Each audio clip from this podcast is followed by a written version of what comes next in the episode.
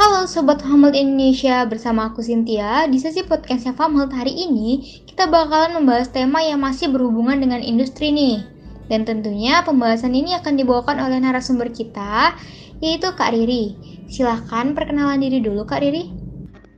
Thank you Kak Cynthia. Hai Sobat Fem Health, apa kabar? Nama saya Riri, saya psikolog industri dan organisasi sekaligus praktisi sumber daya manusia. Pengalaman kerja saya lebih banyak di bidang rekrutmen, learning and development, talent management, organization development, dan lain-lain di perusahaan media, hotel, dan sekarang saya menjabat sebagai asisten manajer human resources di F&B retail. Wah, jadi karir ini cukup banyak banget ya pengalamannya di bidang industri dan hari ini spesial banget Kak Riri ini bakalan bagiin tips and trick buat kalian untuk mengatasi cemas saat wawancara kerja dan gimana sih cara menghadapi wawancara kerja.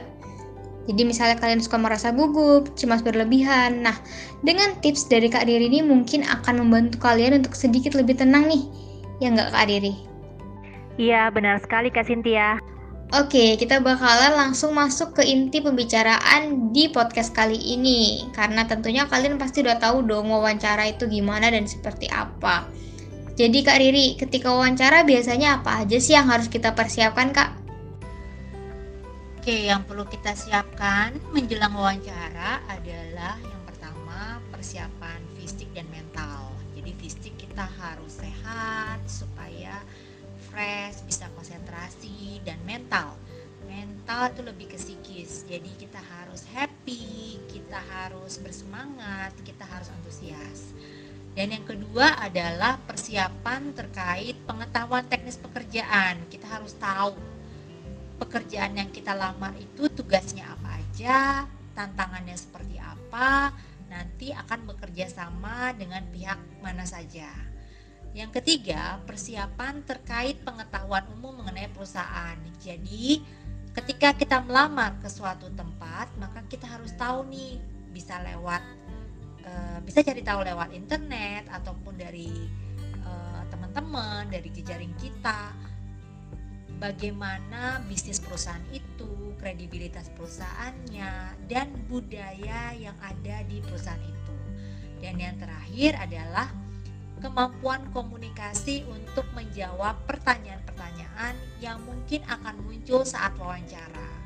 Jadi, sobat fem bisa mencoba untuk mencari tahu karena akses informasi bisa diperoleh di mana aja dong. Kira-kira pertanyaan yang muncul saat wawancara seperti apa sih? Ada pertanyaan-pertanyaan yang mungkin akan sobat fem uh, sulit untuk menjawab misalnya Apakah kelemahan kamu? Apakah kamu pernah mendapatkan feedback atau kritik atau saran? Nah, di sana sobat fam harus mulai bisa memperkirakan kira-kira jawaban yang jujur tapi tetap positif dan optimis itu seperti apa.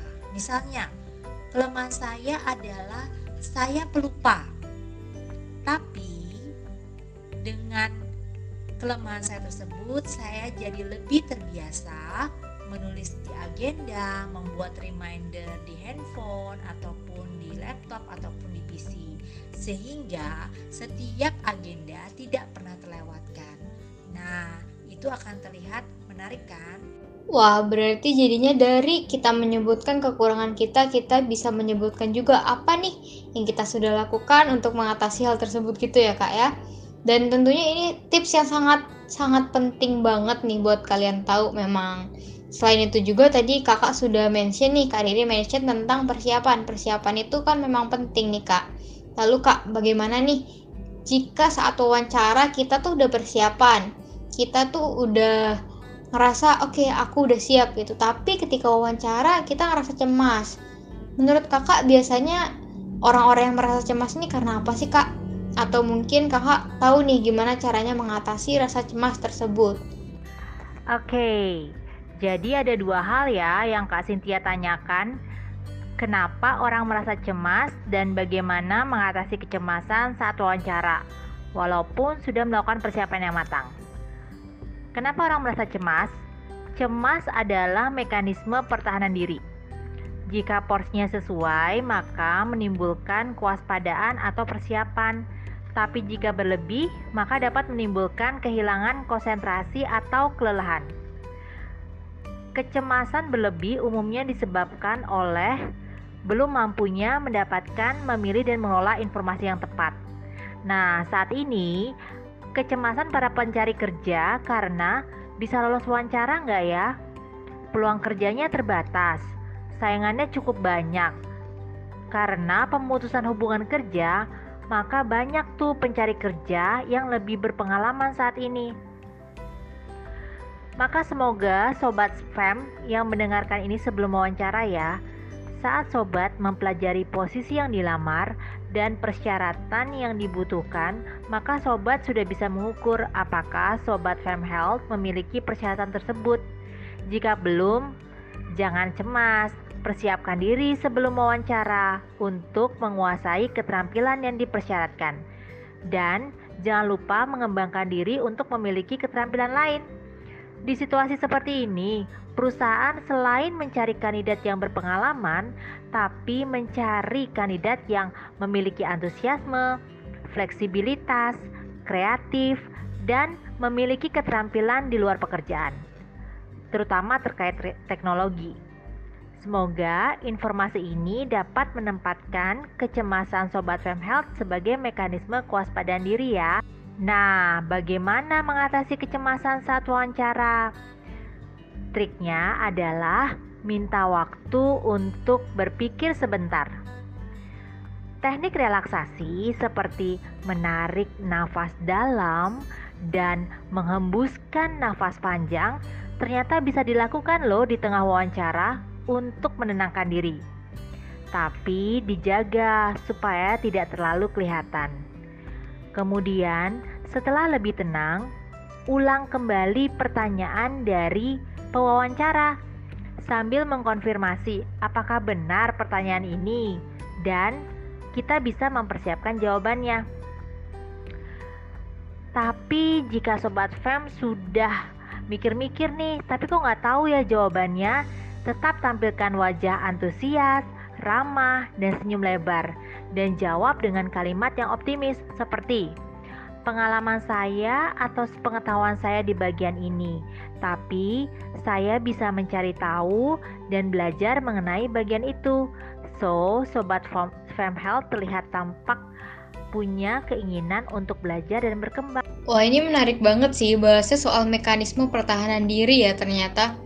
Aku baru tahu kalau misalnya orang gugup dan cemas ketika wawancara itu termasuk ke mekanisme pertahanan diri loh kak. Oh ya by the way tadi kakak udah ngasih kan tuh tips-tipsnya. Itu sangat berguna sih kayaknya karena aku juga pernah tuh ngerasa kayak duh gimana ya gimana ya gitu. Kadang-kadang juga gugup sendiri gitu sampai lupa nafas gitu sih kak.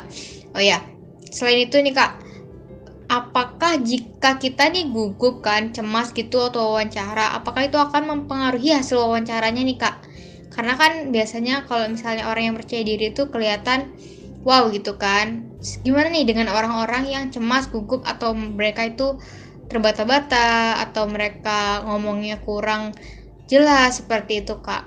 Biasanya kita cemas kemudian kita jadi ngeblank atau nggak konsentrasi sehingga sebenarnya kita udah tahu nih jawabannya tapi detik itu juga lupa jadi nggak bisa jawab Nah, orang yang percaya diri saat wawancara bisa aja memang memiliki kepribadian yang kuat dan kemampuan komunikasi yang baik.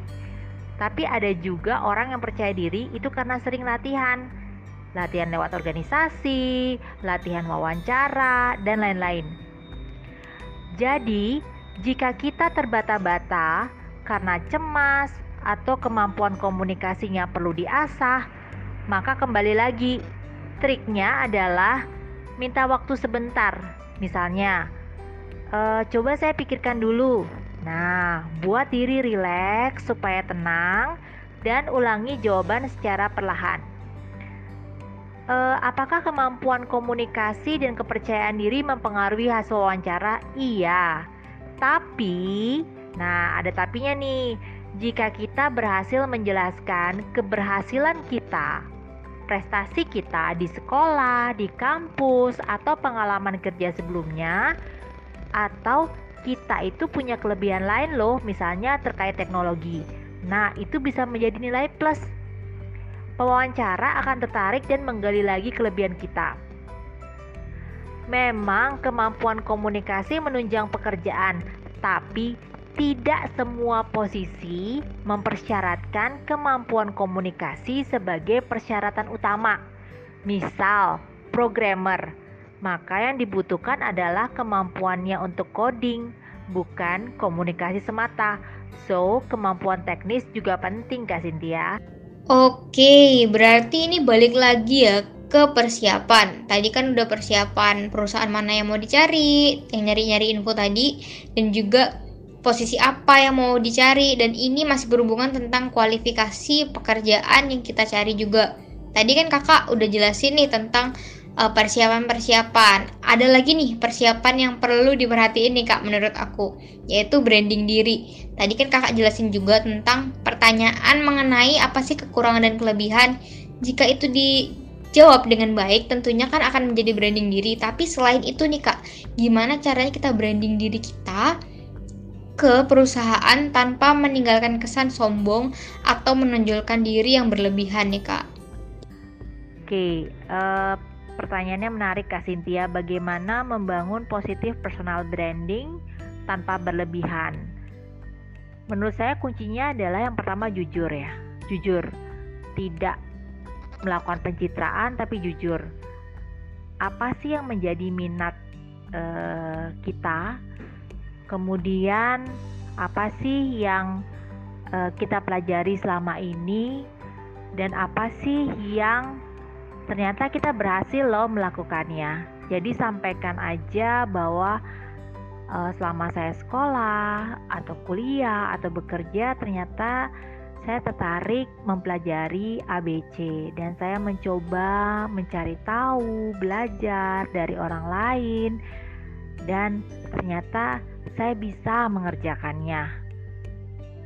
Dan kemudian di akhir bisa disampaikan bahwa walaupun uh, saya berhasil melakukan beberapa tugas yang uh, baru atau cukup sulit, tapi saya merasa ingin terus berkembang, maju sehingga mencapai posisi yang lebih tinggi.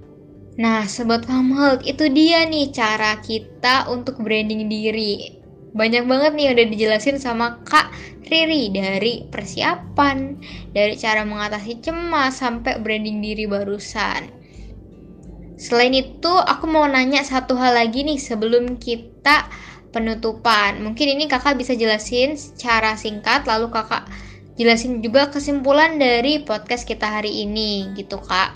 Nah pertanyaannya gini nih, kan wawancara kerja itu biasanya dilakukan secara langsung dan banyak mekanisme-mekanisme tertentunya gitu. Sedangkan di era pandemi ini itu kan ada new normal gitu kak. Lalu untuk rekrutmen sendiri apakah ada metode atau sistematika baru gitu kak? Jadi mengikuti era new normal gitu misalnya. Apakah ada tuh yang kayak gitu kak atau nggak ada gitu? Uh, Oke okay, kak, jadi kalau untuk uh, rekrutmen di era new normal, sebenarnya sudah mulai dilakukan sih. Sebelum new normal pun sudah mulai dilakukan, yaitu ada dua tipe uh, wawancara ya, karena konteksnya kita wawancara, wawancara virtual, wawancara virtual dan wawancara tatap muka langsung.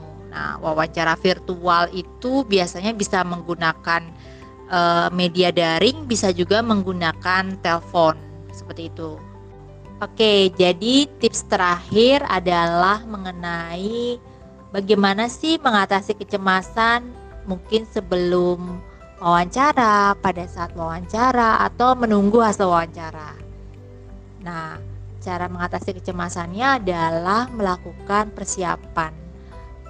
Persiapan fisik, persiapan mental, uh, pengetahuan teknis mengenai posisi yang dilamar, kemudian uh, mempersiapkan diri untuk mengetahui uh, tempat kerja atau perusahaan yang dilamar seperti apa, kemudian kemampuan komunikasinya sudah mulai uh, dikembangkan dengan cara kira-kira memperkirakan jawaban yang tepat untuk menjawab pertanyaan-pertanyaan yang akan muncul pada saat wawancara seperti itu. Nah, jika mengalami kecemasan uh, pada saat wawancara, uh, jangan takut untuk minta waktu untuk berpikir. Jadi misalnya ketika pewawancara memberikan pertanyaan, terus uh, sobat Fem Health merasa agak ngeblank nih, nggak ngerti pertanyaannya apa atau nggak tahu jawabannya. Sampaikan saja, minta waktu untuk berpikir. Saya coba pikirkan dulu ya. Nah, di pada saat waktu jeda itu uh, coba gunakan teknik relaksasi. Jadi tarik nafas dalam, terus kemudian hembuskan nafas panjang. Tapi nggak usah terlalu terlihat ya. Buat diri serileks mungkin. Kemudian ulang kembali pertanyaannya secara pelan. Nah, sambil berpikir jawabannya apa nih gitu. Nah, kalau ternyata sobat fem sendiri uh, belum bisa menemukan jawabannya, ya tetap uh, berusaha uh, menampilkan diri antusias, positif, optimis dan sampaikan bahwa mungkin saya pengetahuan saya di bagian lain, pengalaman saya di bagian lain, tapi saya siap untuk belajar uh, dan berkembang uh, untuk mengetahui uh, berbagai macam informasi dan pekerjaan. Nah itu dia Sobat Health, gimana cara kita menghadapi wawancara kerja yang telah disampaikan oleh Kak Riri. Terima kasih banyak ya Kak Riri atas waktu dan juga partisipasinya sebagai narasumber di sesi podcast Health kali ini. Oke, thank you Kak Cynthia atas kesempatan yang diberikan untuk sharing di podcast kali ini. Semoga uh, berguna ya bagi sobat Fem Health lainnya jika ada yang ingin uh, ngobrol bareng atau ikutan sharing nih bisa ketemu di live Instagram ya. Iya, terima kasih kembali Kak Riri. Dan benar banget kalian bisa cek video live Instagramnya dan pasti itu udah di save di IG-nya Farmhealth Indonesia. Makanya kalian jangan lupa follow akunnya Farmhealth ya.